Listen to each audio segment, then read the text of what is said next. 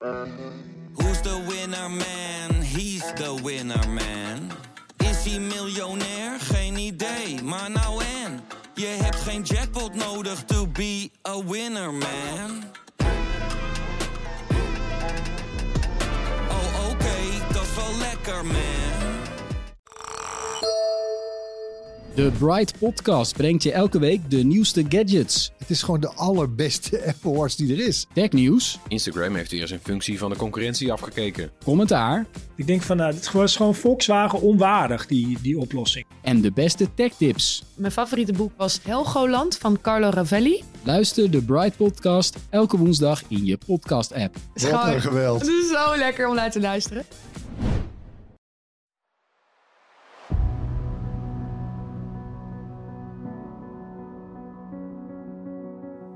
Van de ene op de andere dag was het allemaal voorbij. De honderden miljoenen jaren waarin de dinosauriërs, de zeereptielen, de vliegende pterosauriërs zich hadden ontwikkeld. Waarin ze zich hadden verfijnd tot een prachtige en unieke dierenwereld. Een wereld met miljoenen soorten planten en dieren.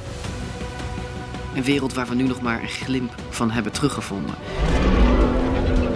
Die wereld, die werd in één reusachtige klap weggevaagd.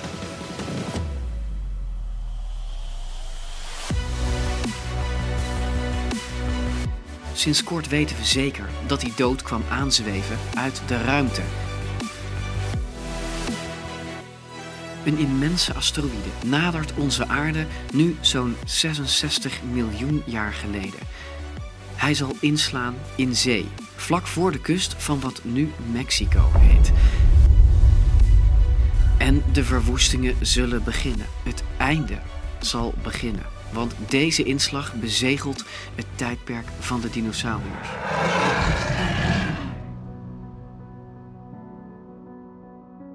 Een asteroïde als eind van de dinosauriërs. Ja, nu is dat een bekend feit. Maar als Maarten en ik de oude dino-boeken uit onze kindertijd er weer bij pakken... en als we helemaal naar de laatste bladzijde doorbladeren... waar het over het uitsterven gaat... dan zie je daar nog de meest bizarre verhalen staan. Ja, Maarten, ehm, dit zijn de boeken en de tijdschriften die wij decennia geleden als kind lazen. Dit is de tijd waarin niemand nog ene clue had wat er eh, gebeurde. Hè? Ik, ik, ik, zal een stukje voorlezen. Ehm, niemand weet precies hoe de dinosauriërs uitstierven, staat er. Er bestaan vele theorieën. Sommige deskundigen veronderstellen dat de vleesetende dinosauriërs alle planteneters doden. En daarna dus van honger omkwamen. Een andere theorie stelt dat de opkomst van bloeiende planten en loofbomen fataal werd. Hè. Die zouden dus niet geschikt zijn voor planteneters. Het klopt natuurlijk wel dat gras ontstond hè, en bloeiende eh, bloemen die ontstonden in het krijt. Dus waarna dus eerst die planteneters uitstierven en dan die, die vleeseters. Jij hebt ook een paar voorbeelden. Ja, kleine zoogdieren zouden de eieren van de dinosaurussen hebben opgegeten. Ja, Dus dat kan wel natuurlijk enorm veel kleine en zeer actieve zoogdieren zijn geweest. Ja, en ze zouden dus al die eieren van de, van, de, van, de, van de dino's hebben opgegeten.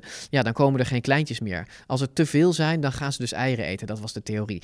Nogmaals, theorie. Er staat nog meer leuks Ja, in. een, een supernova ergens in de buurt van ons eigen planetenstelsel. Een supernova is een exploderende ster. Ja. Die zou dodelijke straling hebben uitgezonden. Oh ja, dus echt een, waardoor iedereen zeg maar... Eh, ja, je hebt, je hebt, er- er zijn een paar van die, van die sterren die min of meer in onze buurt staan, waar je dan wel eens van leest dat niet uitgesloten is dat ze op afzienbare termijn eh, als supernova zich zullen manifesteren. Dat kan, dat kan effecten maar hebben. zij straalde dus iets uit, eh, wat dus eh, door de dampkring... Want eh, de zon straalt natuurlijk ook dingen ja, uit. maar het moest dan, moest zou wel een supernova moeten zijn die wel betrekkelijk dicht in de buurt. Ja, betrekkelijk dicht in de buurt. Dat is qua in de astronomie is het dan nog eh, waarschijnlijk meerdere lichtjaren. Dit werd dus gewoon gesuggereerd in Ja. de jaren tachtig, hè? Ja. Ehm, Dan nog een, een bacterie- of virusziekte. Nou ja, virusziekte, daar kunnen we tegenwoordig van meepraten. Zeker. Want nou, toevallig is COVID eh, is een virus, niet waar, wat over snel muteert, omdat er zoveel mensen aan lijden. Ja. En we hebben eigenlijk het geluk dat het wel met name obese mannen van boven de 80 eh, meedogenloos vermoord, maar Ja. dat het voor de rest niet zo dodelijk is als het zou kunnen zijn. Nou ja, en- wat, wat, wat, wat meespeelt is dat het virus bij ons natuurlijk heel snel de wereld over kan reizen. Maar dat was in de dino-tijd, en daar hebben ze misschien niet aan gedacht, was het natuurlijk heel lastig. Want die Ja. continenten lagen uit elkaar. Dino's konden niet oversteken. Dus je moet een, een soort pterosaurier die dan één zo'n virusje overvliegt. Ja, wanneer is Pangaea uit elkaar Ja, gedreven? al, al, al, al eh, voor het krijt. 200 miljoen, meer dan 200 Ja. miljoen jaar geleden. Maar in het krijt was dat echt afgelopen. Dus dat zou ook een streepje door deze theorie hebben En dan tenslotte nog chemische substanties van bepaalde plantensoorten zouden giftig zijn geweest. Ja. Wat men me daarbij zich voorstelt, weet ik niet. Brandnetels, of, eh, die waren er nog niet naar mijn idee. Dus, Alles wijst erop dat ze, dat ze gewoon iets moesten. Hè? Ik, ik, ik pak nog even eh, dat live tijdschrift Life Magazine uit 1953 had een special waarin ze eh, over dinosauriërs vertelde. Hè? Daar, daar, daar keek jij als tienjarig jongetje in. En ehm, daar schrijven ze aan het eind ook een stukje. En dan schrijven ze het volgende. The extinction of the dinosaurs of the land, the swimming reptiles of the sea, and the flying reptiles of the air at the end of the Mesozoic era represents one of the deepest enigmas of evolution. Why, vraagt Life zich af, why should creatures so diversified, so great and powerful, so well adapted to their spheres of existence vanish almost simultaneously from the face of the earth? Dat Nou. is nog steeds betrekkelijk raadselachtig. Zelfs omdat we weten tegenwoordig wat de waarschijnlijke oorzaak is van Ja. dat fenomeen. Maar dan nog is, dat, eh, is, is wat daar geformuleerd wordt in dat citaatje... is nog steeds naar mijn idee relevant. Want er waren ook hele kleine dinosaurussen die op eh, plekken leefden waar... want daar gaan we het over hebben, de inslag van die asteroïden. Ja. Dat is 65 miljoen jaar geleden, als ik het me allemaal goed herinner. 66, ja. Ja, 66 zelfs. Ja, het scheelt toch altijd weer een miljoen jaar. Dat is ja, een hele lekkere, hele lekkere periode op zichzelf. Dat zijn, eh, hadden we maar nog een miljoen jaar.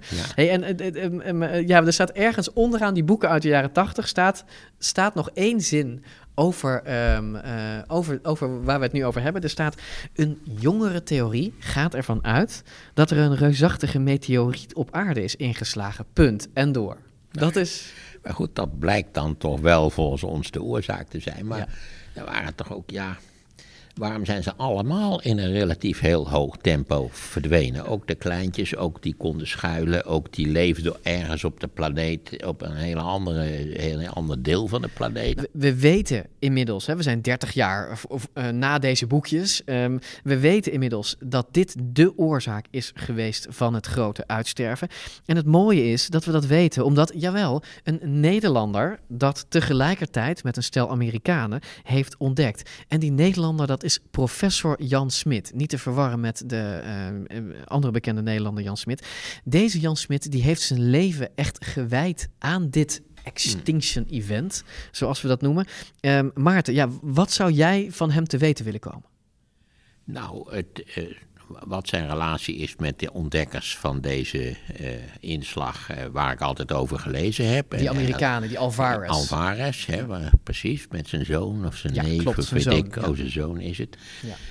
Heeft hij terzelfde tijd ontdekt? Heeft hij veel minder publiciteit gekregen omdat hij nou toevallig geen Amerikaan was, maar een Nederlander? Mhm. Zo te horen is het, denk ik toch, heeft die publicitaire boot wel enigszins gemist. Ja. Misschien kunnen wij dat goed maken. Dat gaan wij zeker goed maken, uur. Ja, ik wil vooral weten eh, eh, wat er precies gebeurde in de seconden, minuten, dagen, weken na die impact. En, en, en hoe je dat dan weet. Hè? Want, want je kunt geologisch onderzoek doen en daar kun je dus blijkbaar heel veel uit aflezen. Nou, dit, je, je kunt modelmatig kun je natuurlijk een heel eind komen. Maar stel je voor- je, je kunt iets afleiden over de massa en de kinetische energie die dat ding heeft gehad. En eh, wat dat voor effecten heeft op de dampkring van de aarde. Maar- en het de gaat- stofproductie. Het gaat veel verder. Je kunt zelfs, en dat gaan we dus dit uur bespreken, je kunt zelfs in de skeletten van dino's die op dat moment leefden, kun je de inslag in hun botten terugzien. Ah, nou kijk eens aan. En daar gaan we En zijn ze daar dan aan ook, ook aan overleden? Of, of hebben ze dan nog een tijdje doorgeleefd? Ja, ze Of- zijn aan allerlei vreselijke dingen overleden. Dat gaat eh, Jan Smit ons vertellen. En ik zocht hem op in een klein, wat minder bekend, maar prachtig museum.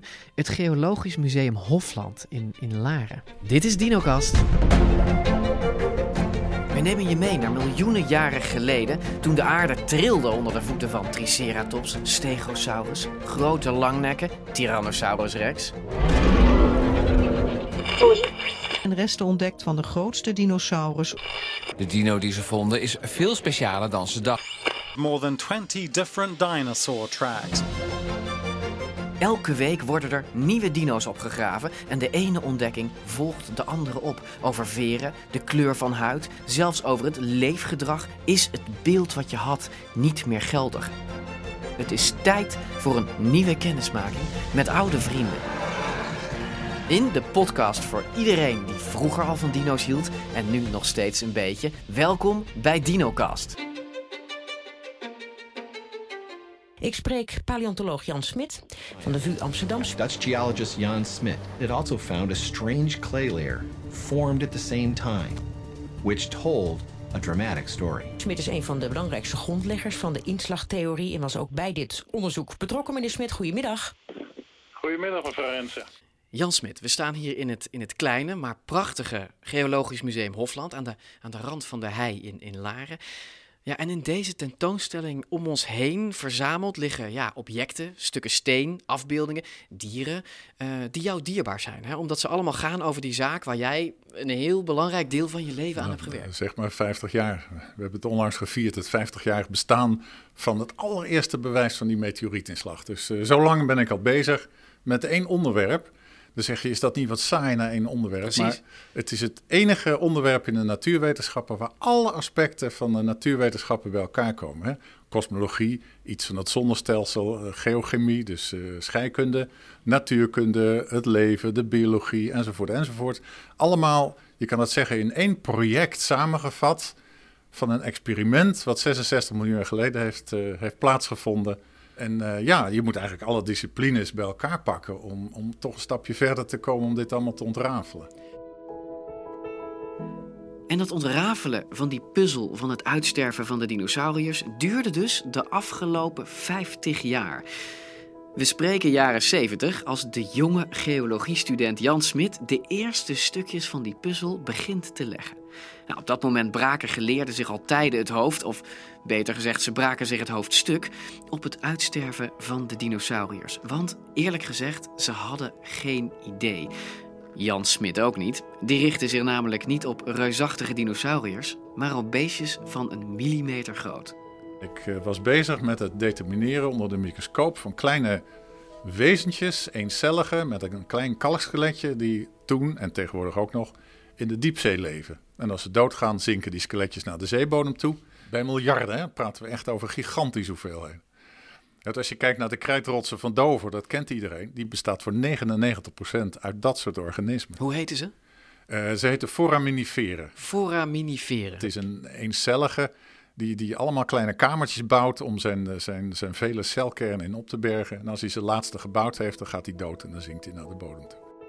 Oké, ik hoor jullie denken, waarom hebben we het over eencellige foraminiferen, terwijl we het eigenlijk over dino's moeten hebben? Nou, allereerst, wees blij dat je dit nu ook weer weet.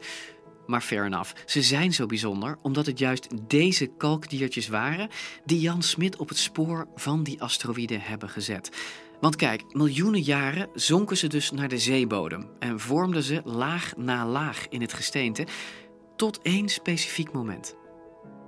Ik, ik, ging met de loop het veld heen, want zo groot zijn ze wel, bijna een millimeter groot. En dan kijk je, oh, hier zit hij nog wel in. Dan ga je een stuk verderop, oh, daar zit hij ook nog in. Op een gegeven moment zeg je, oh nee, daar zit dus niet meer in. Dat is iets heel anders. Ja. En dan loop je weer terug, want je moet het moment hebben dat de een naar de andere overgaat. Ja. En toen bleek, en dat heeft mijn nieuwsgierigheid getreerd, dat dat niet het vage, wat, wat er toen bekend was, evolutie gaat langzaam en langzaam stappen. Soorten sterven uit. Soorten sterven uit. Dus ik verwachtte eigenlijk een geleidelijke afname van het ene en een geleidelijke toename van het andere. En dat bleek dus helemaal niet het geval te zijn.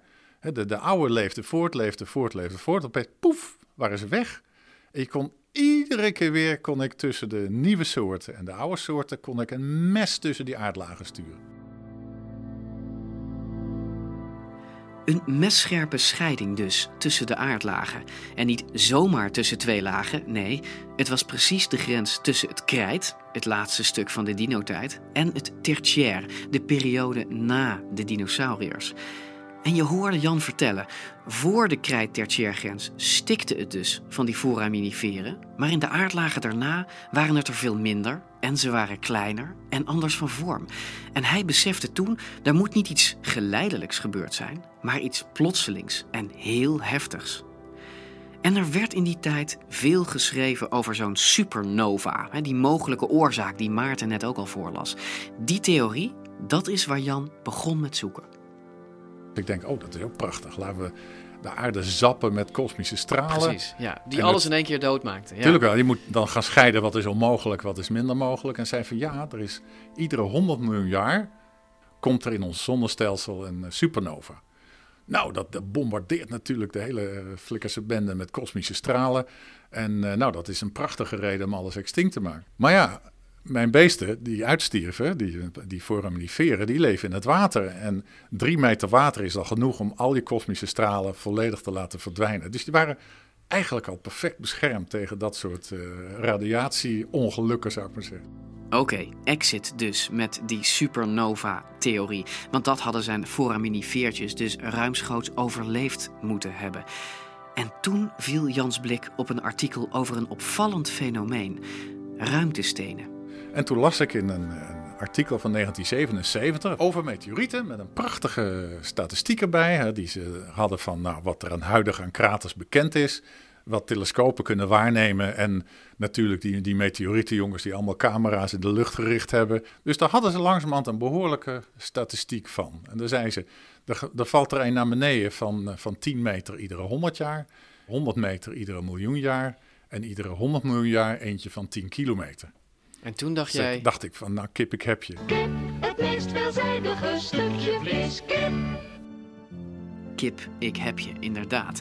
Wat hebben we dus? Een messcherpe laag in het gesteente, wat erop wijst dat het leven in zee ineens instortte. Hè, denk aan de kalkbeestjes. Nou, was het een supernova? Dat kon dus niet. Maar kon het wel een meteoriet uit de ruimte zijn? Nou, dat was net zo'n bizar idee natuurlijk. Hoe bewijs je zoiets? Waar moet je beginnen? Jan Smit besloot om de stoffen in het laagje gesteente te laten onderzoeken in het lab van de TU Delft. Maar hij was niet de enige. Want kort daarna kwamen twee Amerikanen op hetzelfde idee: Louis en Walter Alvarez, vader en zoon. Toen las ik een abstract van de groep van Alvarez. En die zeiden van nou, het is waarschijnlijk buitenaards. We gaan aan testen of het een supernova is of een meteoriet. Ik dacht, hé, hey, wacht even, dat zijn de vragen die ik ook heb. Maar we hebben een grote hoeveelheid iridium gevonden erin. Iridium. Wat is iridium? Nou, iridium is, ja, natuurlijk voor de meeste mensen is het eh, een, een zeldzaam element. Het is verwant aan platina. En er zit zo'n heel groepje in het midden van. Sorry Jan, het belangrijkste om nu te weten is dat dit chemische stofje iridium een van de sleutels is tot de ontdekking van die asteroïde. Of zoals deze stokoude Britse professor het prachtig omschrijft.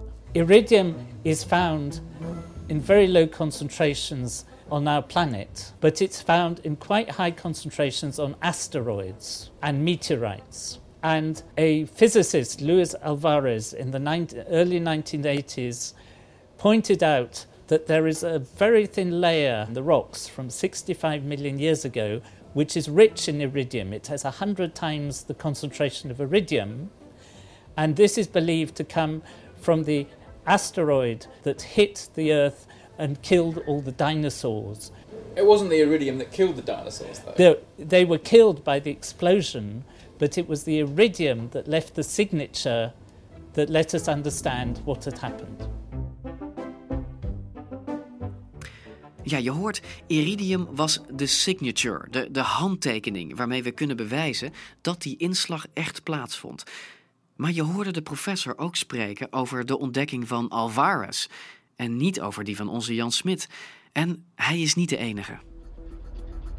In the 1970s, the clay captured the attention of an American geologist, Walter Alvarez.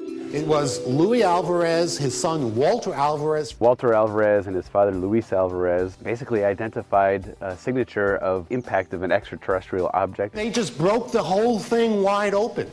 Ja, het gaat alleen maar over Alvarez. En dat zit zo. Twee teams van wetenschappers kwamen op hetzelfde moment, begin jaren 80, op hetzelfde idee. Ze lieten beide hun brokkige steente scannen op zoek naar sporen van metalen, zoals iridium. En het was niet Jan Smit, maar Alvarez die als eerste dit telefoontje kreeg. But I'll never forget the day that I got a telephone call from Frank. And Frank said, Something is wrong. There is far more iridium in this clay than we had been, than, than any of our ideas would have predicted. Something was wrong, and it turned out to be the clue that led to solving the extinction of the dinosaur murder. But it took quite a while to figure out what that clue meant. Het was dit telefoontje dat hem vertelde dat er ongewoon veel iridium was gevonden in zijn gesteente. Een duidelijke clue voor die asteroïde. Alvarez was dus sneller en publiceerde zijn onderzoek eerder. En hij en zijn vader zijn degene die beroemd werden met de ontdekking. En die Maarten zich daarnet ook nog herinnerde. Onze Jan was de tweede. Door, zo ontdekte hij later, een hele lullige fout. Ja, Alvarez was natuurlijk wel eerst. En toen, uh, uh, toen alle storm ging liggen, want we hebben toen als een razende gepubliceerd, ja. is de man die de leiding had van dat lab, is een kelder ingedoken en heeft naar die oude analyses gekeken. Die zei, potverdorie, je iridium zat erin.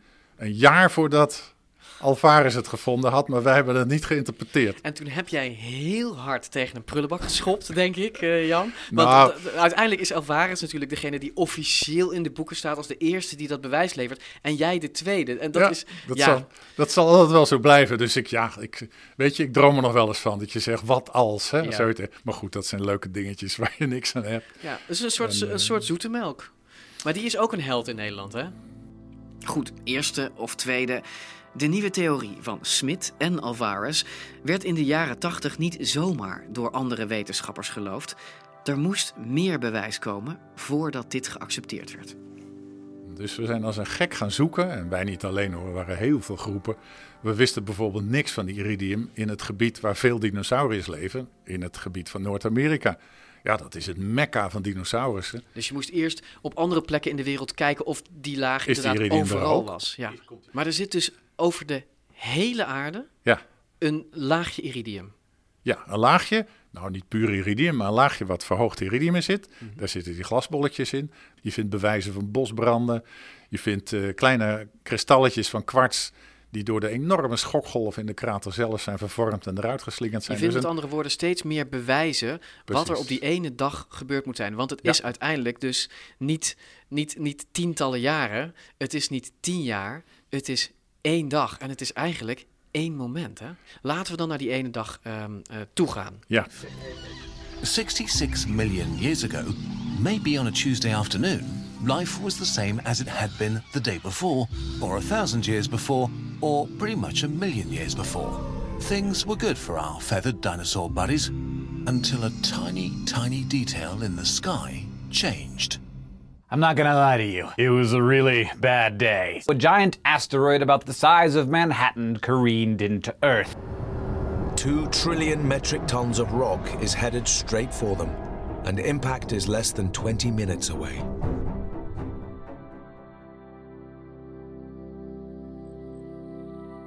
Het begon als een piepklein lichtje in een heldere sterrennacht. Nauwelijks zichtbaar tussen de miljarden andere lichtpuntjes aan de hemel. Het zal geen levend wezen op aarde zijn opgevallen. Die kleine schittering die elke dag ietsje groter werd.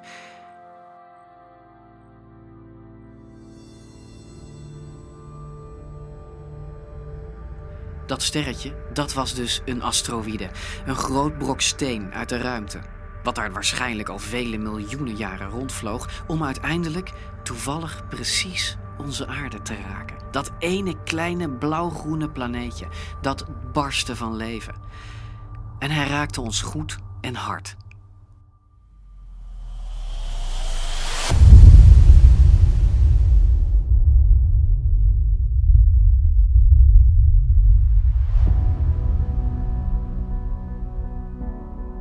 Wat gebeurde er precies in de seconden, minuten, dagen en uiteindelijk jaren na deze helse klap?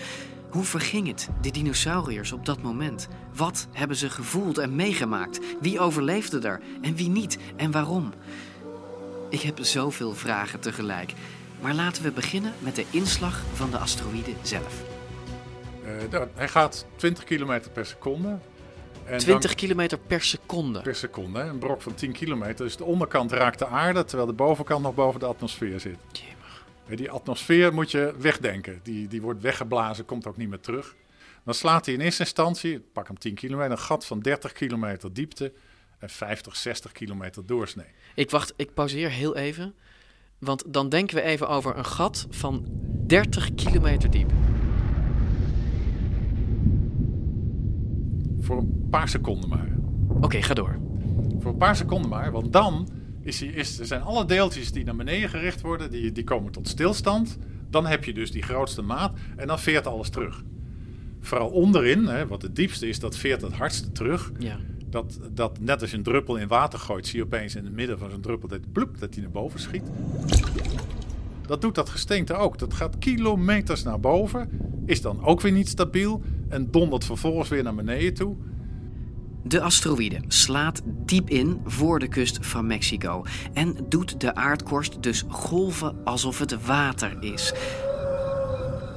Voor dinosauriërs in de wouden van Zuid-Amerika wordt de hemel verblindend licht. Want er komt een hoeveelheid energie en hitte vrij die de aarde sinds het ontstaan niet meer heeft meegemaakt. In feite, die meteoriet ontploft met een gigantische knal.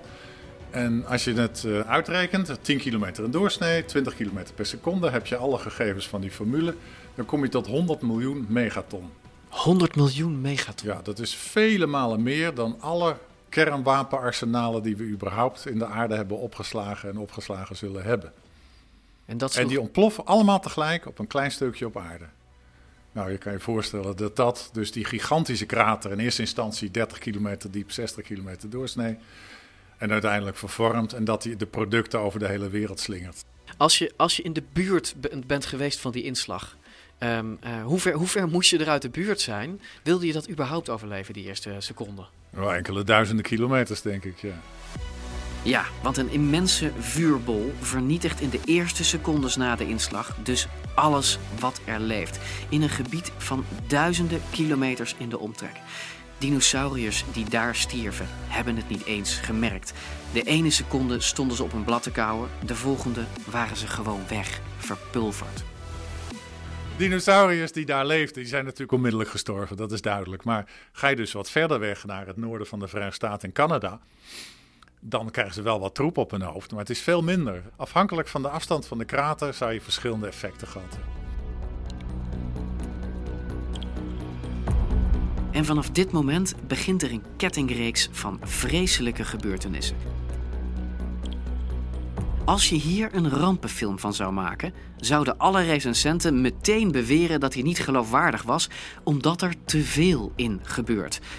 Alleen dit is geen film. Dit overkwam de dinosauriërs echt.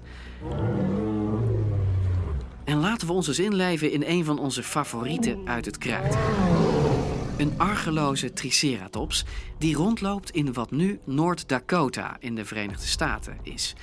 Misschien heeft hij een vuurbol of een lichtflits gezien, misschien niet. Maar minuten na de inslag begint de aarde onder hem te trillen. Uh, die, die triceratops zit daar. En het waarschijnlijk als eerste, want het is een aardbeving nou, tussen de richterschaal 10 tot 12. Er zit wat variatie in. In eerste instantie zal hij als een gek op en neer gaan. Want in Noord-Dakota gaat de bodem nog een meter op en neer. En die aardbevingsgolven gaan met 5 km per seconde. Dus binnen, binnen 10 minuten aan een kwartier zal hij eerst op en neer worden. Ja. En niet alleen onze Triceratops. Op de hele aarde, zelfs helemaal aan de andere kant, blijft geen dinosaurus meer overeind. De aardkorst schokt overal. En dan gebeuren er twee dingen. Allereerst stuwt de ontploffing een enorme hoeveelheid stof en puin de lucht in. En daarover vertellen we zo meteen. Want de inslag zet daarnaast ook de zee in beweging. En een ander gevolg is dat die meteoriet, en dat weten we nu, eh, op het noordpuntje van wat nu Yucatan is, het Scherenland, is hij in de zee gevallen. En bovendien voor een heel groot deel in de, in de diepe delen van de Golf van Mexico. Nou, die inslag en het materiaal wat dichtbij is uitgestoten, heeft natuurlijk voor gigantische tsunamis gezorgd. En vanaf de jaren 80 hebben we al de bewijzen gevonden voor die vloedgolven, voor die tsunamis. In eerste instantie was dat rond de Golf van Mexico, in de staten Alabama en Texas, in de oostelijke staten van Mexico. Ga je dichter naar de krater toe, dan zie je dat ook nog hele continentranden in elkaar storten. Dus, dus er zijn lokaal allerlei eh, gebeurtenissen. Maar En wat, wat, hoe, hoe zie je dan het bewijs van zo'n, van zo'n tsunami? als, als geoloog wil je natuurlijk weten, wat hebben die tsunamis voor bewijzen achtergelaten? Ja. Wat is nou typisch voor een tsunami dat je kan zeggen van daar heeft een tsunami over ons heen gerold? Nou, dan moet je even kijken naar wat een tsunami veroorzaakt. Dat zie je op al die video's van Japan ook. Het is geen, geen golf, geen brandingsgolf waar je snel even in kan duiken. Nee, het is een muur van water en er zit er nog 500 kilometer aan water achter. Dus het is niet een golfje wat binnenkomt, maar het is een, een eb, een vloedbeweging die binnenkomt, doordendert en dan ontzettend veel meesleurt. Ja. In eerste instantie sleurt hij alles naar het land toe, maar dan moet al het water weer terug de zee in. Dus wat hij daar allemaal heeft omgespoeld op het land, wordt dan weer netjes de zee getransporteerd. Dan komt de tweede tsu- tsunami. Als je geluk hebt, nog een derde tsunami. Ja, als, je, als je als onderzoeker geluk hebt. Ja, niet als, niet als triceratops, nee. Niet als triceratops, maar goed, die is- tsunamis komen niet zo ver. Hè? Die zullen een enkele tientallen kilometers Ja. landinwaarts rennen en dan is de energie eruit.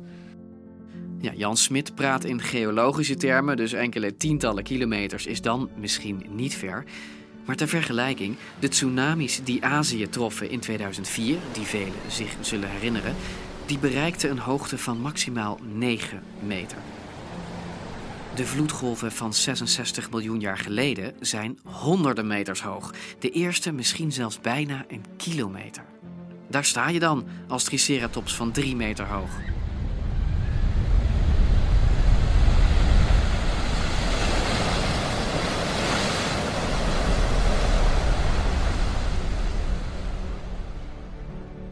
De golven sloegen verwoestend toe op de kustgebieden en alles wat er leefde verdween. Maar goed, Jan is wel heel exact. Hoe weet hij dit allemaal? Maar wat vind je daar dan van terug aan, be- aan bewijzen in de grond? Eh, wat we dus vonden was een, eh, een, een, de restanten van een tsunami. Dat waren zandstenen, dus eh, stukjes zand die meegesleurd waren. Maar als je kijkt naar bijvoorbeeld als je nu als leek op het strand gaat, zie je allemaal mooie zwinnen met allemaal ribbeltjes erin. Je ziet het water stromen. En die ribbeltjes die geven heel duidelijk aan hoe het water gestroomd heeft. Nou, die kan je ook fossiel terugvinden. Dus in die zandsteen vind je die ribbeltjes terug. Met de aanwijzingen, dan moet je wel een beetje getraind zijn erin. Met de aanwijzingen hoe en in welke richting het water gestroomd heeft. Dus toen we eenmaal op zoek waren naar die tsunami-resten, toen kwamen we die tegen, in, eh, vooral in Mexico. Toen keken we naar die, die ribbeltjes zoals die bewaard waren in dat pakket zandsteen. En daar zagen we tot onze verbazing dat je de ene keer ziet dat die helemaal richting Mexico rennen. En dan vervolgens weer terugrennen de zee in. En dan weer richting Mexico gaan en dan weer de zee in. Fascinerend dat je dat En dat herhaalde kan zich een aantal Ja. keren. Dan zeg je, ja, maar dat doet een storm, doet dat niet. Die, die, die werkt zijn golven één kant uit. Dus dan, dan hadden we echt een soort fingerprint, een vingerafdruk van een tsunami hadden we te pakken. En is het, is, het, is het ook zo dat je eh, bijvoorbeeld dieren vindt die, die vanuit zee op plekken zijn gevonden waarvan je denkt van... Ja, in, in Mexico hebben we allerlei botten gevonden. Mosasaurus, een tand van een vleesetende dinosaurus. En dan is er nog dat puin en dat stof. Door de explosie van de inslag wordt een gigantische hoeveelheid zand en gruis omhoog geslingerd. En dat brengt ons terug bij onze Triceratops. Want terwijl onder hem de aarde nog steeds schudt, ziet hij boven zich een regen van kleine gloeiende vallende sterren. Nou, terwijl hij nog aan het shaken is, komen al de eerste stukken glas en ander materiaal die uit die krater geslingerd zijn, 4000 kilometer er vandaan, die vallen weer terug in de atmosfeer. Dat zijn miljarden en miljarden zandkorrels voornamelijk, want zo klein is het, die als ze terugkeren in de atmosfeer weer gaan gloeien. Als een vallende ster natuurlijk. Hè? Ja. Nou kan je je voorstellen, één vallende ster merk je niks van. Maar miljarden vallende sterren zijn dus allemaal straalkacheltjes die je bij elkaar op moet tellen. Dus het eerste effect zal zijn dat hij een verschroeiende hitte meemaakt en dan eh, letterlijk gekookt wordt. Je ziet, hij ziet eigenlijk, je zegt miljarden vallende sterren uit de hemel komen, gloeiend. Ja. Dus moet ik denken aan een, een regen van gl- gl- gloeiende Ja, een, druppels? een kwartier lang gloeiende druppels, dus van die kleine vallende sterren. Die verbranden voor het grootste deel, of voor een deel verbranden die, want ze gaan niet zo snel als een echte vallende ster verbrandt helemaal. Mhm. Maar die gaat ook veel sneller. Deze zal voor een deel verbranden, maar eh, hoe het, ze zorgen wel voor dat straalkacheleffect. Ja. Dat, Nou. dat, dat moet hij gevoeld hebben. En dat moet hij gevoeld hebben. En waarschijnlijk heeft hij rondgelopen met een stel brandblaren op zijn rug. Ja. Want dat ze direct dood zijn gegaan is niet helemaal waarschijnlijk. Maar in de buurt zijn wel als een bossen in de fik gevlogen. Want alles wat droog hout was, dat hebben ze berekend, gaat in de fik. En de resten van die fik, dus de roetdeeltjes, die hebben we teruggevonden op Ja. verschillende plekken op aarde. Dus, dus er daalt een, een regen van, van gloeiend eh, glas neer. Ja. Ehm, dat gloeit nog als het de aarde bereikt, als het de dinosaurus zelf bereikt. En het steekt dus eh, op allerlei plekken de bossen in brand. Nou, dat niet direct. Hè. Dus het, het straalkacheleffect, dat steekt het bos in brand. Maar omdat die kleine zandkorrels al heel snel afremmen, gaan ze in de onderste delen van de atmosfeer koelen ze vanzelf weer af. Dus ze komen niet eens als hete druppeltjes naar beneden. Ze komen echt als stukken glas naar beneden die al afgekoeld zijn. Oh, dus het regent echt letterlijk glas. Letterlijk glas. Oké. En, en, en niet zo weinig ook. Hè? Een laagje van 2 mm dik over de hele aarde. Als je dat gaat uitrekenen, is dat een kubus van 10 bij 10 bij 10 kilometer. En daar past Mount Everest van de zeebodem tot 9 kilometer hoogte drie keer in. Zo, een Dus die- gigantische hoeveelheid dus materiaal. Een gigantische hoeveelheid. Die je dan ook nog eens de energie genoeg moet hebben om die over de hele wereld te verspreiden. En waarschijnlijk voor 5% ook nog naar de maan geschoten hebt. Of verderop, want het verdwijnt dan verder de, de ruimte in. En, en, Dus eh, ja, dat heeft hij als eerste meegemaakt, die, eh, die Triceratops. Dus het wordt heet, heel erg heet op aarde.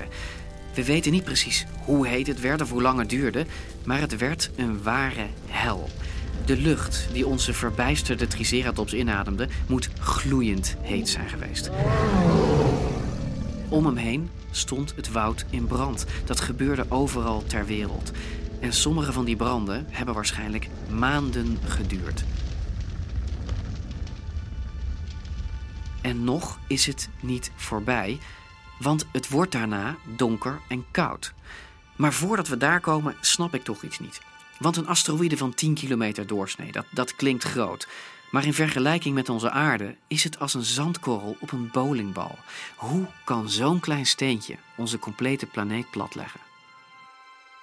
Maar het is dus echt alsof een zandkorrel een, een bowlingbal raakt. Ja. Hoe kan, hoe kan dat effect dan zo groot zijn? Nou, dat komt omdat het, eh, ja, je moet het een beetje uitvergroten, maar dat is dat eerste effect dat die meteoriet volledig verdampt en ongeveer drie, driemaal zoveel materiaal wat, eh, waar, wat hij getroffen heeft, bijna net zo snel weer eruit geslingerd wordt en over de hele wereld verspreid wordt in een, ja, in een, in een stofvorm.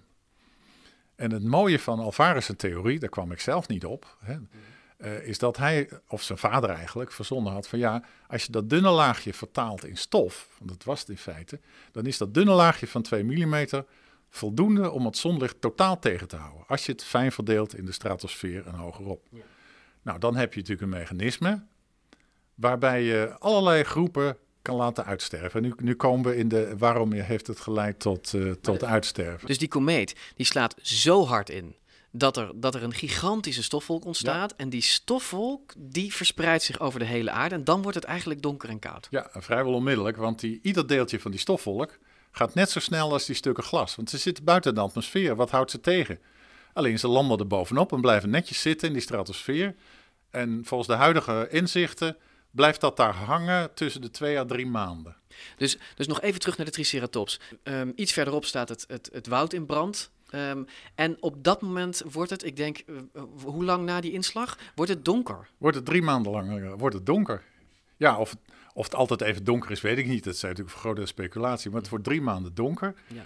Waardoor voor die Triceratops bijvoorbeeld zijn voedsel langzamerhand verdwijnt. Want er is geen fotosynthese, want er komt geen licht door. Althans, het is een fractie van wat het daarvoor is. Dus en dat hebben we geconstateerd door alle skeletten op te tellen.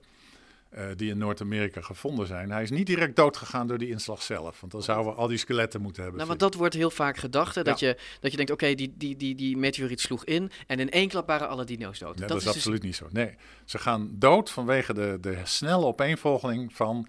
Eerst was het hartstikke warm door dat straalkacheleffect. Dan komt die stofwolk bovenop de stratosfeer, die houdt het zonlicht tegen. Dan wordt het dus uh, waarschijnlijk tussen de drie maanden hebben we geen licht. Maar dan blijven er nog wel andere fijnstof hangen, vooral uh, met, met zwavelverbindingen, die de aarde waarschijnlijk 100 jaar behoorlijk koud houden. Dus dan heeft hij het 100 jaar heeft hij het verschrikkelijk koud. Ja. Nou, als jij geen veren hebt en geen. Uh, dus dan uh, A, je voedsel is weg, want de fotosynthese stopt. B, het wordt ontzettend koud. Ja. Dus dat is ook een reden. Maar goed, dat is niet meteen na de inslag. Dat duurt enige maanden tot jaren daarna. Dat de laatste exemplaren verdwijnen. En dan komen ze dus in restanten van een systeem terecht, waarbij de laatste vleeseters de allerlaatste triceratops nog kunnen eten. En, dan zo is langzamerhand. Het, en dan is het op. En dan is het op.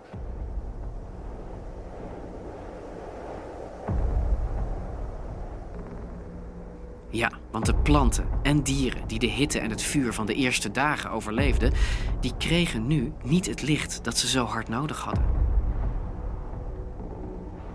Vele tientallen jaren lang is de aarde een vreselijke plek om te leven en misschien zelfs langer. Het is duister en koud. Driekwart van alle soorten op aarde wordt vernietigd. In de oceanen is de slachting helemaal compleet. Gebrek aan zonlicht doodt daar 90% van al het plankton, hè, wat de basis is voor de complete voedselketen in zee, tot de machtige mosasaurussen aan toe. En veel dieren stierven dus niet op die ene fatale dag, maar dieren en hele diersoorten verdwenen dus later door de gevolgen van die inslag. Dat is ook meteen de reden waarom je nooit een, een kerkhof van dinosauriërs vindt. Want ze gaan niet meteen dood. Je zal wel brandblaren op zijn rug hebben. Maar ze komen in een systeem terecht waarbij ze steeds minder voedsel, minder voedsel, minder voedsel. En dan, komen ze, dan vallen ze hier dood, daar dood, daar dood. Maar nooit een uh, samenraapsel van omstandigheden. Dus ik denk dat dat de voornaamste reden is waarom ze zijn doodgegaan. En zo geschiedde. Het mysterie van de dood van de dinosauriërs werd op deze manier door Jan en andere wetenschappers ontsleuteld. En hij vertelt het ons nu in een half uurtje, maar hij heeft dus 50 jaar over dit onderzoek gedaan. En jaar na jaar werden er steeds meer bewijzen gevonden dat deze theorie echt klopte. Jan Smit was degene die als eerste de ontdekking deed van die minuscule glasbolletjes. En jarenlang was ook de inslagkrater onvindbaar. En bij zo'n grote inslag moest er toch ergens zo'n krater te vinden zijn. In 1991 werd hij gevonden, in zee, voor de kust van Mexico dus. 180 kilometer breed en 4 kilometer diep. Alvarez vertelt dat dit voor hem de ultieme bevestiging was. Finally, in 1991, the great breakthrough took place. We learned about a huge crater below the surface of the Yucatan Peninsula that the Mexican oil geologists had discovered. Uh, it's the biggest impact crater that's formed on this planet in the last billion years. Ja, die krater die heet, uh, jij kan het beter zeggen, Chicxulub? Chicxulub. Kijk. Het is een Maya, Maya uh, dialect. En het is de naam van een dorpje die precies in het midden van de krater ligt. En uh, dat is een gebruikelijke naamgeving voor kraters. Je probeert de geografische naam die zoveel mogelijk in het midden zit, die wordt vervolgens aan de krater geplakt. Dus dit dorpje is nu uh, beroemd in de geschiedenis? Beroemd in de geschiedenis. Een dorpje van absoluut niks. Ja. En in de Maya-taal betekent dat de staart van de duivel. Maar de staart zit wel aan de voorkant. Dus uh, het is een eufemisme, zeg maar. Oké, okay, het betekent de, de penis van de duivel. De penis van de duivel. Is mij verteld hoor. Dus als ik lieg is het in commissie. Dat, uh... We gaan kijken, als er luisteraars zijn die dit kunnen vertalen en het blijkt onjuist, dan horen we dat in dan de horen we dat wel, okay? maar nu is het een mooi verhaal, dus ik hou het even overeind. Ja. The Devil's Dick. ja, oké. Okay. Terug naar de bewijzen. Want pas een paar jaar geleden, in 2015, kwam voor Jan Smit een van de allermooiste momenten in zijn carrière. Een ontdekking die alles wat hij jarenlang had bedacht, al die gebeurtenissen waar je net over hebt gehoord, de regen van glas, de tsunami enzovoorts, die dat in één klap bevestigde. Nou, dat, was, uh, dat is eigenlijk de laatste grote ontdekking van, van deze hele geschiedenis, hè, waar ik al 40, 50 jaar mee bezig ben. Mhm. Dat er op een gegeven moment iemand bij me kwam, Robert de Palma. Eh, die schreef me een e-mailtje en die zei van... eh, geachte professor Smit enzovoort met veel strakkages van... eh, ik heb vermoedelijk in Noord-Dakota een vloedgolfafzetting gevonden... Met, met allerlei fossielen erin. Nou, dat verdween in eerste instantie, omdat het van America Online was... verdween het in mijn spambox. Dus Mhm. het duurde een aantal maanden voordat ik daarachter was. Maanden. En toen dacht ik, nou, dat is er weer een. Want je krijgt in de loop van dit onderzoek krijg je natuurlijk vele mensen die het licht gezien hebben, die denken dat ze de wereld hebben uitgevonden. Maar dit was er echt een. Maar dit was er echt een, maar daar moest hij me eerst van overtuigen. Dus hij, hij stuurde me eerst een foto van eh, een, een, een vis, helemaal mooie vis, prachtig bewaard gebleven. En dat was een zoetwatervis, een, een steur. En naast die zoetwatervis lag nog een andere type zoetwatervis. Maar daarnaast lag een prachtig fossiel van een ammoniet. Maar die leven dus in een zee en niet op het land en niet in zoet water. Dus daar heb ik een, een, een stukje vis die mooi is en een prachtige ammoniet erbij die uit de zee komt, bij elkaar geklutst. Want waar zou dat dan op duiden? Eh, nou, de eerste sta- ik was nog niet zo ver. Ik kreeg dat binnen, ik was erover aan het nadenken. Toen stuurde hij me een andere foto toe van stukjes glas die hij in en tussen die vissen gevonden had. En die stukjes glas, die kende ik heel goed. Want dat waren die stukjes glas die we veel eerder in Haiti en, en andere plekken gevonden hebben. Dus ja, toen ging ding, ding, ding, ding, ding. 2015 ging mijn bel af. Ja. En hij liet nog een, een grafiekje zien hoe die in elkaar zat. En toen dacht ik, hé, hey, wacht even, dat is precies zo'n tsunami-afzetting... Hè, met die heen en weer gaande stromingen in Mexico... met dezelfde opbouw. Dus ja, ba- ba- ba- ba, ik viel bijna achterover. Ja. van, ik zei, daar moet ik heen. Ja, Ik dat had- heb je gedaan. Dat heb ik gedaan. Ik had het tussen mijn huis geschilderd. Ik had een volkomen lamme arm, dus ze zat in een sling. Maar goed, ik ging vliegtuig in, ik ging naar hem toe. Ja. En ik ben erheen gegaan en toen viel ik van de ene verbazing naar de andere. Vertel, wat ontdek je daar? Wat hij daar had, was dus inderdaad een, een vloedgolf die binnengedrongen is in de vlaktes van Noord-Amerika, maar nu tussen de dinosauriërs zelf in. Die vloedgolf heeft dus ook restanten van die dinosauriërs meegesleurd, van die vissen meegesleurd. Dus hij, hij kwam het land op, hij verraste eh, alles wat daar leefde, eh, inclusief de dinosaurussen, onze Triceratops eh, die misschien daar, daar, daar- daar- erbij zat. Ja. En, en hij husselde dat allemaal door elkaar. Hij husselde het allemaal door elkaar. Maar tegelijkertijd begr- begroef hij dat, hè? die modder die stapelde maar op. Dus dan zijn al die skeletten afgesloten van zuurstof. Er kan geen beest bij. Dus die zijn fantastisch bewaard. Ieder detail van de vinnetjes enzovoort. Nou, en toen, toen kwam er een serie van geweldige ontdekkingen. Hij liet me ook zien dat er een hele serie boomstammen door die vloedgolf was meegesleurd. Op die boomstammen zat een, een laagje houtskool. Je kon duidelijk zien dat die houtskool op dat moment ontstaan was. Tussen de houtskool zaten stukken van hars. Dat is nu eh, veranderd in barnsteen. Ja. Die hars is waarschijnlijk toen een beetje vloeibaar geworden. En dan als een soort aerogel, hè, dat wat NASA gebruikt om kleine meteorietjes te vangen met Ja. vliegtuigen. Op dat moment was de zachte hars in staat om die tectieten die uit de lucht, uit de krater kwamen, op te vangen. Die glasbolletjes. Die glasbolletjes. Dus die zijn opgesloten als in een soort plastic in die hars. En zijn perfect bewaard gebleven. Dus je vindt die origineel. Dus de- dat, dat vertelt een verhaal van verbranding, het zacht worden van de hars, het naar beneden komen van tectieten. Nou ja, ik was nog niet bekomen van, eh, van die verrassing. Toen zei hij van Jan, kijk, hier ligt zo'n vis. En toen liet hij me niet één vis zien, er liggen daar honderden. Allemaal met de kop dezelfde kant uit. Hè? Dus de stroming heeft ze georiënteerd. Toen begon hij te pulken tussen de kieuwen van een van die vissen. En tussen die kieuwen haalde hij stukjes glas tevoorschijn. Wederom die tectieten. Wederom die tectieten. Maar in die kieuwen, wat doen ze in die kieuwen?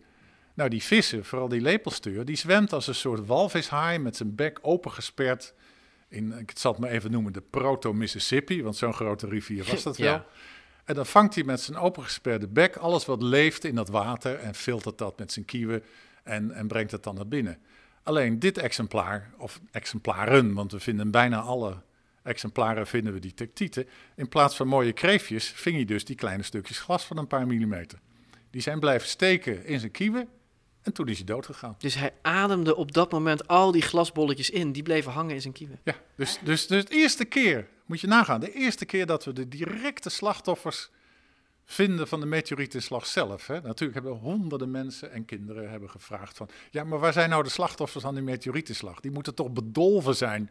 Hè, Kerkhoven ervan, niks daarvan. Zo zijn ze niet doodgegaan. Ze zijn dus geleidelijk doodgegaan door verschroeien en voedselgebrek. Maar hier, door die vloedgolf, vinden we dus iets wat bij elkaar gespoeld is... als een vrijwel directe consequentie, praat je over uren na de inslag... waarbij ze bij elkaar gespoeld zijn. Het moet, het moet voor jou een ongelooflijk moment zijn geweest. Ja, dit was, eh, was een eye-opener van je wel. Ik heb ook Walter Alvarez, mijn grote oude rivaal, meteen opgebeld en die zei: Ik kom.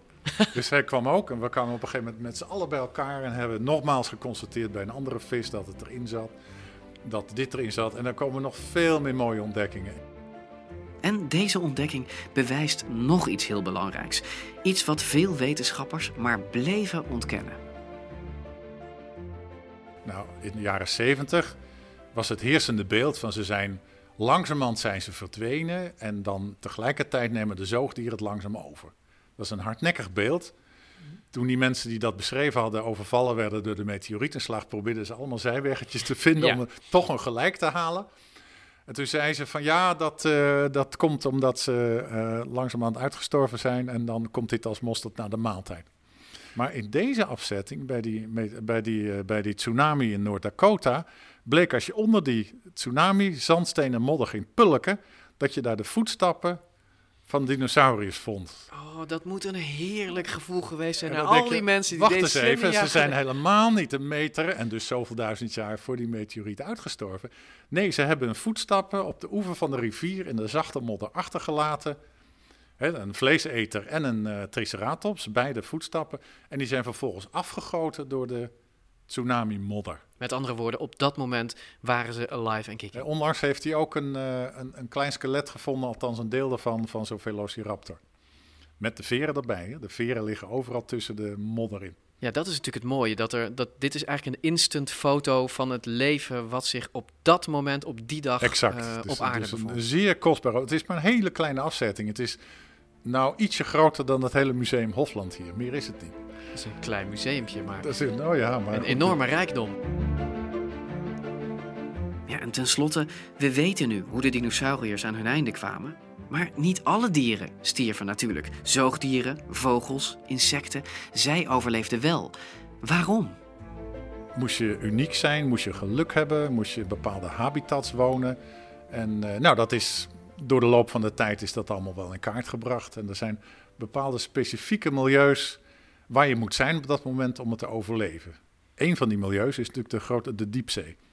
Alles wat beneden 200 meter waterdiepte op de zeebodem leeft, Dat- voor het grootste deel gaat dat wel door. Ja, want dat heeft natuurlijk geen. eh, dat is natuurlijk sowieso onafhankelijk van zonlicht. Precies, dat, dat leeft van detritus en vreet detritus. Nou, dat komt wel door. Dat Wat is detritus? Detritus is alles wat afgespoeld wordt van het land. En wat regenwormen doen, die eten van afval in feite. En dat doen deze dieren ook. Dus die hebben het overleefd. Dus ja, de, de, de beesten die, die eh, graven in de zeebodem, wurmen en allerlei krabben en zeeegels en dat soort dingen, ja, die overleven het. En op land is het datgene wat leeft in stromende rivieren. Kennelijk is dat een milieu, dus eh, die lepelsteuren die hier... eh, die soort is er dus nog die steeds. soort is er dus nog gewoon. En de cipressen, moerascipressen in Florida, die waren er op dat moment ook. En de, de, de, de turtles, de schildpadden die daar leefden ook. De krokodillen en alligators ook. Je zegt eigenlijk het gebied waar je leefde maakte uit. Ja, zonder Eh, meer. De grootte maakte uit. Of Ook je dat. afhankelijk was van fotosynthese, hè? Van, van planten misschien. Ja, dat moest je dus niet hebben. Je moet klein zijn, kleiner dan 25 kilo. En die zoogdieren die je toen overleefden, het grootste deel hoor, moet je even goed zijn, 80% van zoogdieren is ook uitgestorven. Het was niet genoeg om alleen maar zoogdier te zijn. Het was dus niet zo simpel dat, dat, din- dat dino's het niet haalden en zoogdieren wel. Nee, en die dino's kan je samenvatten. Kijk, vogels zijn de naaste verwanten van dino's. Die overleven het wel. Wat hadden ze? Ze waren klein, ze hadden een verenpak enzovoort. Ze waren mobiel. En ze waren mobiel en zoogdieren konden graven. Hè, onder die vloedgolf in, in Noord-Dakota vinden we ook keurig netjes de nesten van, van zoogdieren. Zelfs met de kaakjes van zoogdieren erin. Ook netjes afgegoten door die, eh, Ja, laten we eens kijken. vloedgolf. Hier in Museum Hofland ligt zo'n... Nou ja, het is een heel klein kaakje. ehm, kleiner dan mijn, mijn wijsvinger. Met hele kleine tandjes. Dit is van de Protungulatum donnae. Jij kan Ja. het beter, denk ik. Kijk, de, de tweede, proto is een, een proto, dus, dus een voorloper. Een gelatum is een hoefdier. Dus, dus alle varkens, koeien en dat soort dingen. Die stammen af van dit rare, Dit muisachtige voor- dier. Dit is hun voorouder. Maar goed, van dit muisachtig, je ziet muisachtig, je ziet de afbeelding erachter van. Het, het belangwekkende is, van dat hij aan de voorkant kan je zien hele scherpe tandjes heeft. En aan de achterkant zijn het knobbelkiezen. Voor, voor het eten van planten. Voor het eten van zaden, van planten. De zaden kunnen jaren in de grond blijven, kan je ze alsnog eten. Maar dit is dus een alleseter. En wat je dus bepaald niet moet zijn aan het eind van het krijt, is een specialist. Hè, als je je uitgespecialiseerd hebt tot de meest waanzinnige vormen van dinosauriërs. Of uh, nou, wat voor diergroepen dan ook. Die ammonieten waren waanzinnig gediversifieerd. Dan had je geen schijn van kans. Dan had je geen schijn van kans. Maar dit soort generalisten, laten we het zo noemen, die van alle markten thuis zijn. Nou, dat zijn nou juist de overlevers. Het is dus een heel klein zoogdiertje. Heel klein zo, het is niet groter dan, ja, wat is, dan je hand? Kat, een hamstergrote, ja, een kat misschien. Hij groef waarschijnlijk holen. En hij groef, uh, groef holletjes. En het aardige is, nadat alles voorbij was, gaat het leven gewoon door. De planten gaan weer groeien uit hun wortelstokken, dus die zijn er als eerste. Ja, ja die, die, die beesten hebben het rijk alleen. Dus wat doen ze? Ze vermenigvuldigen zich als lemmingen. ja. Want ze hebben geen, uh, geen, geen uh, roofdieren, geen, geen, het zijn geen prodieren. Dus ja, wat doen ze? Ze hebben zich als een krankzinnige vermeerderd. Ja. Binnen de eerste 50.000, 100.000 jaar. Vind je al dat van deze tak van dieren de eerste primaat voorloper is afgesplitst? Primaat, als in voorloper van ons? Exact. Dat kleine ratachtige diertje hier voor me is dus wellicht de basis van, van mijzelf, van de hele mensheid, van het tijdperk waarin we nu leven. Een mooi idee, vind ik. En ons tijdperk wordt trouwens het Anthropoceen genoemd, maar Jan Smit die heeft daar een veel betere naam voor bedacht. Dan zouden we deze periode het Coca-Colien noemen. Want deze aarde wordt over de hele wereld gekenmerkt door Coca-Cola flesjes met zo'n ingegraveerde naam, die ze op alle schepen en cruiseschepen overboord gegooid hebben. En die, uh, die vinden we over miljoenen jaren, vinden mensen die terug. die vind je terug, dus zeggen, jongens, we leven in het Coca-Colien. En het aantal restanten van mensen is dan waarschijnlijk te verwaarlozen ten opzichte van de aantal Coca-Cola flesjes die we terugvinden. Deze term houden we erin, Jan. Dankjewel. Goed zo. Maarten, wat een verhaal. Hè? Um, dit is natuurlijk niet het eerste Extinction Event. Een aantal keren in de geschiedenis is dit gebeurd. Ja. Dat het leven een klap kreeg. Ja. Wat, wat, wat, voor lessen moeten we hier nou uittrekken? Nou, les 1 is natuurlijk hoe enorm productief de evolutie is. Want ja, een groot deel dus van de levende haven is op een goed moment plotseling verdwenen. Ja. En, en vervolgens in de daaropvolgende 65 miljoen jaar, niet waar, is een totaal nieuwe levende haven gecreëerd op basis van wat er deels als gegevens van simpele zo zoogdieren al mogelijk was. Dus je ziet dat zo'n extinctiefase, dat die vrijwel onmiddellijk wordt gevolgd door een enorme opbloei van iedereen die last had van die dinosaurussen. Ja, je krijgt andere soorten die nu de ruimte ja, krijgen. Precies, ja. zo is het. Dus als de mens zou verdwijnen, dan zijn ook zijn ontzettend lollige filmpjes van wat er gebeurt in Manhattan als de mens verdwijnt. Dus na een half jaar, na één jaar. En dan na tien jaar is het al, is het al frappant. Dus dan uh, zijn al overal is een enorme uh, uh, plantengroei ontstaan. Er lopen alle herten rond. All over the world, nature is reclaiming the planet. In France, parts of Paris are a marsh again. And Manhattan has become a forest for the first time since the Dutch arrived. Hundreds of species find new homes as nature erases one of our greatest achievements. Je ziet de konijnen al die aan een heel nieuwe evolutiecyclus zijn begonnen. Je bedoelt eigenlijk zo snel gaat het, hè? Wij, wij, wij, ja, wij kunnen heel snel weg zijn. Dat is heel interessant bij de evolutie. Die kan heel traag gaan. Als het, als het een wezen is wat, wat eigenlijk min of meer perfect is. De kakkelak, sorry dat ik mm -hmm. dit weer te sprake moet brengen. Jouw favoriete dier? dat die 600 miljoen jaar nu rondlopen. Uh, maar de evolutie kan enorm snel gaan als de, als de omstandigheden veranderen. De bekende voorbeelden zijn een uitdrogend meer. Waarbij slakken die eigenlijk in, in het water leven zeggen in no time moeten of ze gaan dood allemaal, of ze passen zich aan het feit dat er geen water En dat kan is, dus ook. Ze kunnen zich Ja, dat soorten... kan heel snel gaan. Ja. Nou ja, dat is niet van drie weken of zo, maar... nee, nee, nee. Maar meer wat heel langzaam steeds leger wordt, Ja, daar kunnen ze natuurlijk... zeker. Ja. Um, uh, eigenlijk, eigenlijk zijn wij het volgende Extinction Event, bedacht ik. In, zekere zin wel. Dat is ook, daarom zei ik, de mensen is een hoogst interessant experiment. Ik weet niet precies hoe het gaat eindigen. Maar wij, wij verkeren nu in een, in een interessante fase. Je hebt ook in, in, in bij insecten heb je soms plotselinge explosies van een bepaalde soort. Doordat de omstandigheden gunstig zijn. Er zijn geen Mhm. predatoren. Er zijn te veel dennenbomen. Dan krijg je de dennenscheerder. Bij wijze ik neem maar Ja. een willekeurig voorbeeld. Nou, wij zijn een soort van dennenscheerder op planetaire schaal. Mhm. En wij zijn natuurlijk door omstandigheden, namelijk doordat we ontdekt hebben hoe je ziektes en infect, met name infectieziektes, effectief kunt bestrijden, zijn wij bezig aan een soort explosieve groeifase. Bij het begin van de vorige eeuw waren er op de planeet nog geen 2 miljard mensen. Vervolgens hebben we nog eh, bijna 200 miljoen mensen uitgeroeid in burgeroorlogen, verschrikkelijke conflicten, Ja. bombardementen, gaan ze maar door. Eh, en desondanks waren er aan het eind van de eeuw eh, 6 miljard mensen op de aarde. En we stijgen nog vrij rap door naar de 11 miljard, maar het, voor wat we nu aan kunnen projecteren, trendmatig, niet waar, is er een top, ergens halverwege de eeuw waar we nu in zitten, dus de 21ste eeuw.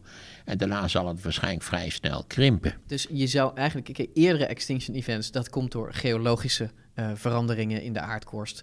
Ehm, ehm, en, of er komt een externe eh, bron, een asteroïde, die, die knalt de zaak overhoop. Dit is eigenlijk de eerste keer dat, het, dat, dat een van de soorten de andere aan het overwoekeren is. Ja, dat, dat, dat zit er wel een beetje in. Al, al vind ik dat je wel eigenlijk eh, eh, ons, eh, onze mogelijkheden enigszins overschat.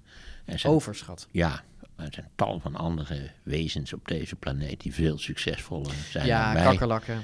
Dat zijn, nou, dat zijn in, te beginnen eencellige, eencellige met een celkern, eencellige die eigenlijk niet eens een celkern hebben, virussen, bacteriën van alle mogelijke aard en soort, als een, als een in principe een, een eh, bezoeker van een, uit een totaal andere planetensysteem ons zou bezoeken, die eh, statistische gaven heeft, zou die, en ze zouden hem vragen bij terugkeer, wat, wat, wat, hoe zag het er nou uit op die Gaia, die planeet? Wat was de dominante soort? Ja, dan zou hij zeggen bacteriën en Ja, ja. virussen. Tel een tegel op in uw tuin. Hè? En terwijl u waarschijnlijk allerlei rotzooi in uw tuin gespoten heeft... omdat u bang bent voor mieren of zoiets dergelijks. Doe dat vooral niet. Hou daarmee op. Til die tegel op en kijk. Er zijn in Nederland 30 verschillende soorten pissenbedden. Nederigheid past ons eigenlijk. Zo is het. Nederigheid past ons.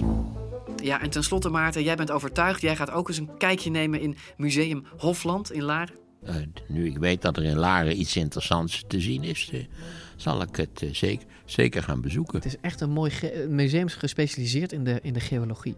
En ze hebben dus eh, wisselende tentoonstellingen over allerlei onderwerpen die ermee te maken hebben. Het is een klein museumpje, hartstikke leuk om, eh, om te bezoeken. Het ligt aan de hei, dus je kan meteen wandelen. Ja, nee, ik zou als ik eh, miljardair was, zou ik direct een museum starten.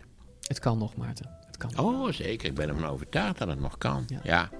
We zijn volledig gefixeerd natuurlijk op, op superberoemde schilderijen en andere dingen. Maar dat is natuurlijk volkomen fout. Nee, dat museum voor mij wordt hartstikke leuk. Ik heb er nu al zin in. Want het wordt vast een combi van Tylers Museum. Ja, en zoiets wordt het. Ja, met schilderijen die Ja. verwaarloosd zijn. En periodes die verwaarloosd zijn. En we moeten natuurlijk helemaal af van die kanon die die kunsthistorici hebben opgetrokken. Ja, dat is in hoge mate misleidend in feite. Ik denk dat het heel leuk tegendraads kan worden om zo'n museum te... Ja, zeker. Ja. En mijn Ehm, favoriete films worden daar vertoond in een speciaal Er zaaltje. komt een heel art center, komt Ja. er. Maarten Volsum Art Center. En daar sluiten wij deze prachtige, vind ik zelf, ehm, eh, aflevering van DinoCast eh, mee af. Met, eh, met dank, veel dank aan niet alleen Maarten, maar vooral ook aan professor Jan Smit met zijn verhaal. We hopen dat je fijn hebt geluisterd. Wij hebben dat wel. En online op DinoCast kun je alles terugvinden waar we deze aflevering over hebben gepraat. Alles dus over dat Mass Extinction Event, over de KT-grens en over die prachtige glasbolletjes die je in die fossielen kunt, kunt terugvinden. Maarten, ja, volgende week weer een aflevering zonder dieren. Nou ja, bijna. We, zijn nu wel acht afleveringen aan het focussen op dinosauriërs en reptielen. Maar volgende week praten we over de plantenwereld. Ja, heel nuttig natuurlijk. Flora en fauna. De fauna is, is niet mogelijk zonder de flora. Inderdaad, en daarom verdienen ze, wat ons betreft, een aflevering. En ik ben dus heel benieuwd. eh, Planten hebben geen botten, maar toch kunnen ze fossiliseren. Toch weten we wat er groeide en bloeide. Hoe dan? Nou, dat gaan we. eh, Ja, prachtige plantenfossielen zijn er echt geweldig. maar hoe fossiliseren die dingen dan? Nou, kijk naar, naar een blad wat van een boom afvalt. In principe is daar van alles al uitgehaald door de boom zelf, eh, voordat die blad laat vallen. En, en Maar dat vergaat toch? Nou, dat in een vochtige mee. tropische omgeving. Nou, als het gaat het toch als de... vochtige tropische Ja, maar dat omgeving is, dat dan- is de dino-tijd toch? Dus Ja, maar nogmaals, dat, dat die dino's hebben overleefd, eh, althans dat de fossielen, de botten hebben overleefd, komt omdat ze vrij snel bedekt zijn met modder of anderszins. eh, Maar het is niet eh, zo simpel. meer- het is niet zo simpel dat kijk, ik bedoel, eh, eh, botten zijn veel makkelijker te fossiliseren. En toch zijn er heel veel, heel veel planten ook gefossiliseerd. En, Nou ja, fossiliseren, dat, dat nogmaals, dat, dat moeten wel de, dat moeten omstandigheden zijn die het fossiliseren bevorderen. Ook mensen die graag gefossiliseerd zouden willen worden, kan ik aanbevelen om na hun dood zo snel mogelijk in onder modder bedolven te worden.